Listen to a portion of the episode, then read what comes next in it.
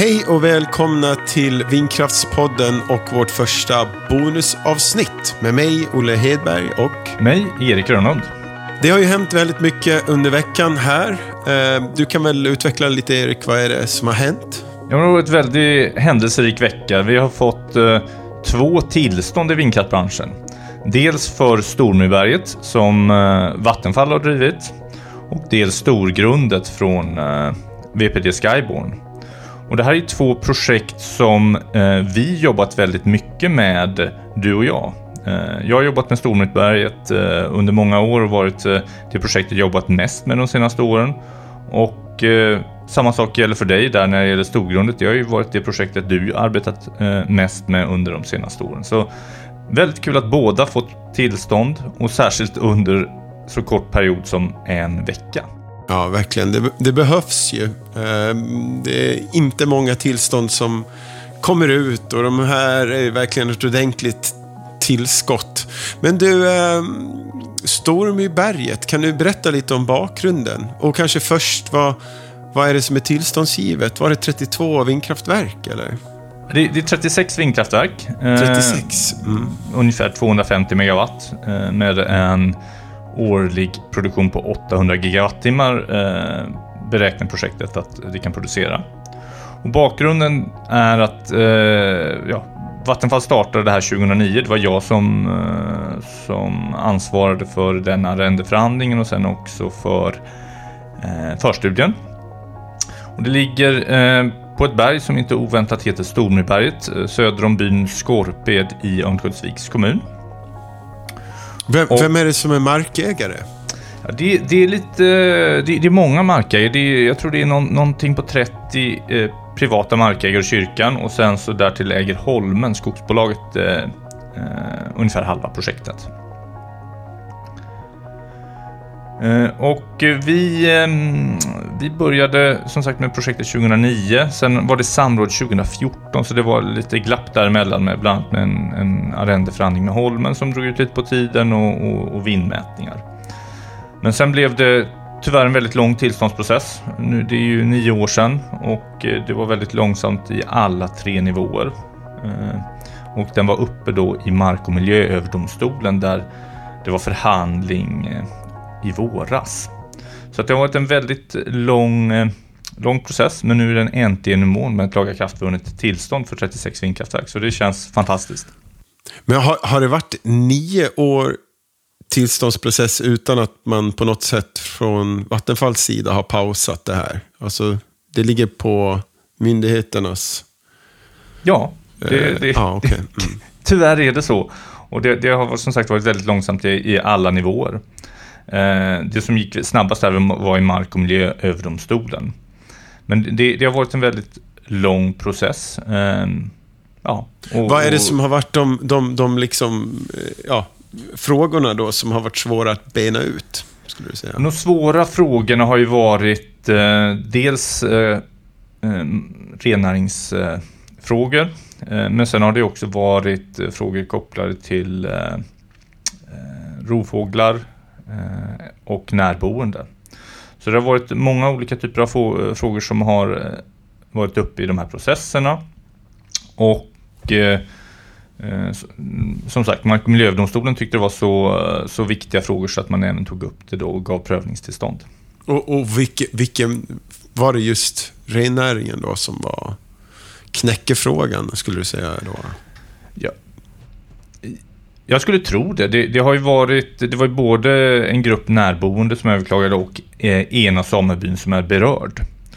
Och ehm, eh, när det gäller rennäring så var det vissa frågor som vi tror var av eh, ja, mer principiell karaktär som man ville titta över. Sen när det gäller de närboende så eh, lyftes eh, flertalet frågor, bland annat de kopplat till fastighetspriser. Men, men där var det inte så mycket argumentation från domstolen i domen här, utan att det var mer att man hänvisade till underinstanser. Så att vi, vi, troligtvis handlade det främst om rennäringsfrågor. Och den här principen då som var intressant, det rörde någonting kring... Var det formalia i samrådet eller var det... Ja, kan du inte Ja, det var utveckla? fler, det var flera saker som, eh, som samebyn överklagade. Eh, dels så gäller det formalia frågor, att eh, underlaget inte var tillräckligt. Eh, bland annat därför då att ja, ren, det inte fanns en, en rennäringsutredning som byggde på samebyns egna uppgifter. Men värt att notera då är att ren, den här berörda samebyn vill inte vara med i samråd och MKB-processerna och ge input till en rennäringsutredning. Eh, sedan gällde det eh, påverkan på bete och framförallt det som, som byn eh, lyfte främst var hur det kan påverka flytt till andra områden. Så att det var både formaliafrågor och eh, påverkan på bete och påverkan på flytt. Och, eh, alltså att samebyn då inte ville vara med, var det en aktivt nej tack? Eller var det så att man bara inte dök upp helt enkelt under samrådet?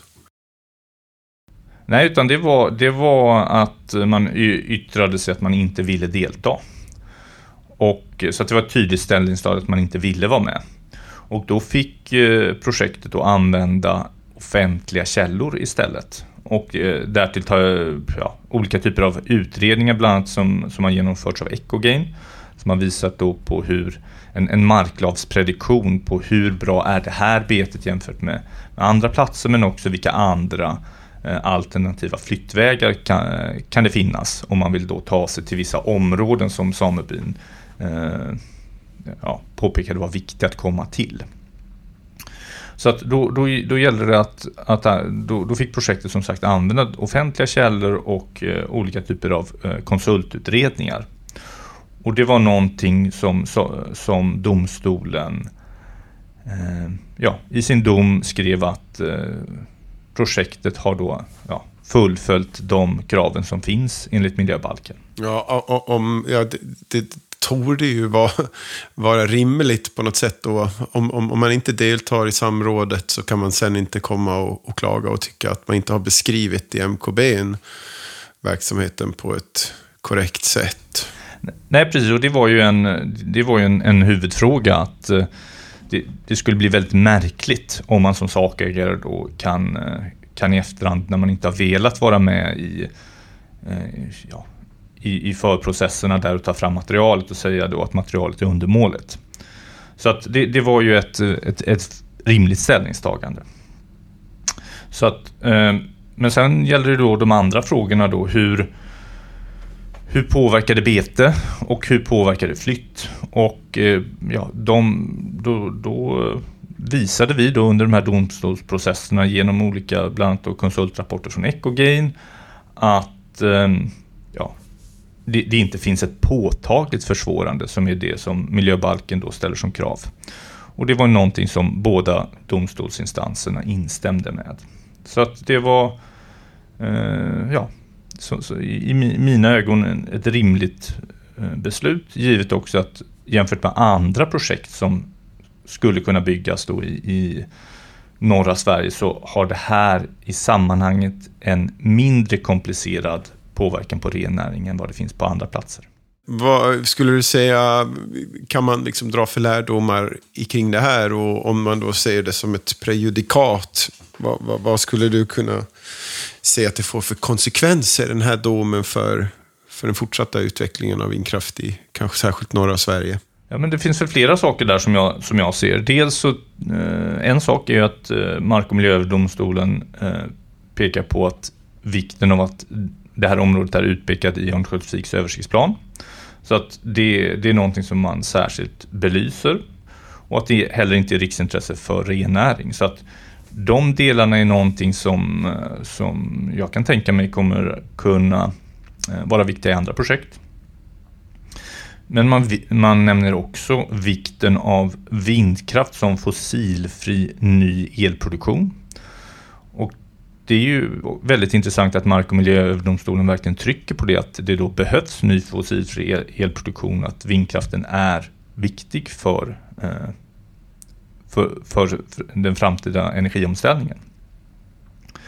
Och sen tycker jag också att det var väldigt intressant att eh, domstolen eh, påpekade att närhet till elnät var en, en viktig punkt för dem och att det har en särskilt eh, okomplicerad nätanslutning det här projektet. Så det är väl också någonting som jag kan tänka mig för andra projekt. Eh, eh, att det bör vägas in om det, om det finns en, en ovanligt lätt nätanslutning. Ja, men det är ju uppenbarligen en, en, en väldig bedrift här av dig, Erik, och eh, Vattenfall och det team som har jobbat. Men vad, vad skulle du säga är framgångsreceptet i det här projektet? Ja, framgångsreceptet tycker jag det är ju någonting som kännetecknar Vattenfall och det är ju att göra saker och ting noggrant. Och, och under hela den här processen då ha tagit fram material som håller hög kvalitet och ja, det har varit många kompletteringar både till, eh, ja, till länsstyrelsen men även i domstolsprocessen att, att alla kompletteringar och inlagor har gjorts eh, med, med hög kvalitet och eh, ja, gott innehåll. Men sen så är det klart så, så, så, allt bygger på att man har, har duktiga kollegor som, eh, som jobbar. Och det tycker jag det, det är ett lång, långt projekt med, med väldigt många duktiga kollegor som bidrar på olika sätt. Självklart från, från Vattenfall, många olika eh, discipliner som projektledare, tekniker, projektkoordinatorer, kommunikatörer och så vidare. Eh, men, men självklart så kan, kan jag inte låta bli att, att, eh, att nämna de jurister vi har haft.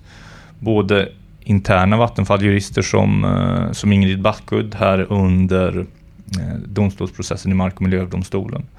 Men också en, väl, en fantastisk hjälp får jag säga från Arvid Sundelin och Ingela Sundelin eh, som jobbar på Hellströms advokatbyrå. De har varit fantastiskt duktiga i det här projektet. Och sen slutligen får jag också nämna Ecogain som har eh, Eh, hjälpt till på ett föredömligt sätt och tagit fram eh, väldigt bra material men också lite banbrytande material i den här, eh, med på den här eh, prediktionen av marklav. Alltså hur bra bete är det för, eh, för renar inom området. Har du någon rolig anekdot eller någonting annat spännande att, berätta? Vad har varit roligast skulle du säga? Ja, det roligaste som jag tycker med, med det här projektet som jag har jobbat med som, som sagt från 2009 och fram tills nu i olika roller. Det, det tycker jag eh, kontakt med markägarna har varit. De har varit fantastiskt härligt gäng. Eh, få, få träffa nya väldigt eh, ja, duktiga, trevliga och sympatiska personer eh, i, i och kring Skåpesbygden. Så att eh, det tycker jag har varit eh, roligast med projektet och som har gett eh, mig energi och kunna driva det vidare även om det ibland har känts lite motigt. Så att eh, markägarna, de, de har varit eh, kanoner i det här projektet.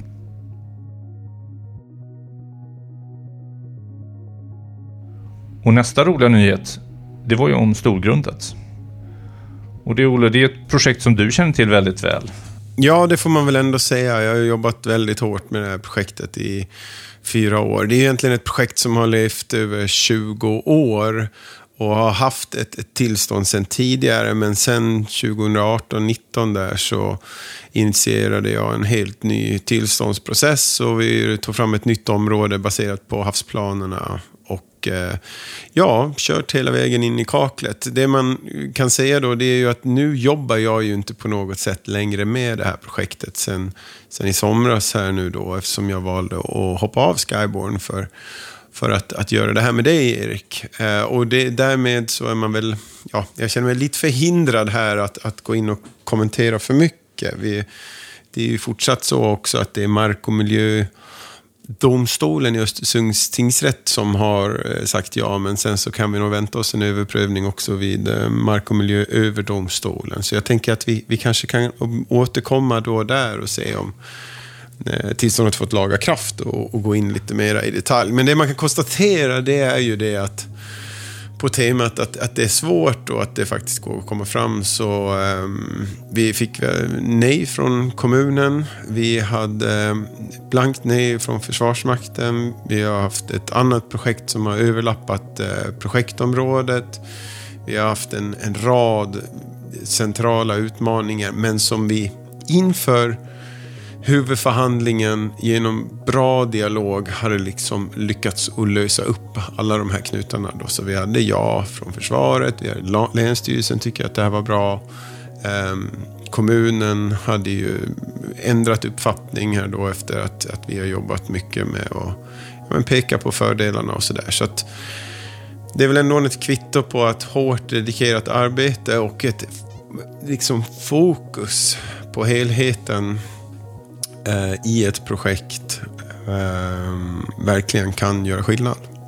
Men jag tänker vi återkommer till det. Så att vi, vi, vi ska låta teamet som jobbar vidare i projekten göra det ostört här utan att det kommer in eh, andra perspektiv som kanske försvårar arbetet.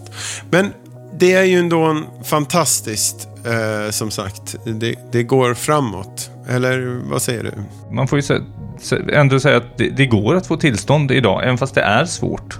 Och, och vi, vi, det är väl det vi på Nivera Energy hoppas att kunna hjälpa våra kunder med att just navigera och lotsa sig igenom den här svåra, de här svåra processerna. Så att eh, eh man ska inte ge upp hoppet och sen får, får man gärna höra av sig till oss. Ja, men gör det. Så kan vi diskutera mer i detalj de här projekten också och vad som har varit de, de stora framgångsfaktorerna. Det var allt för det här avsnittet. Stort tack ni som lyssnat. Vi återkommer på fredag och aviserar vem som blir vår nästa gäst och sen släpps vårt nästa ordinarie avsnitt nästa fredag. Tack så mycket.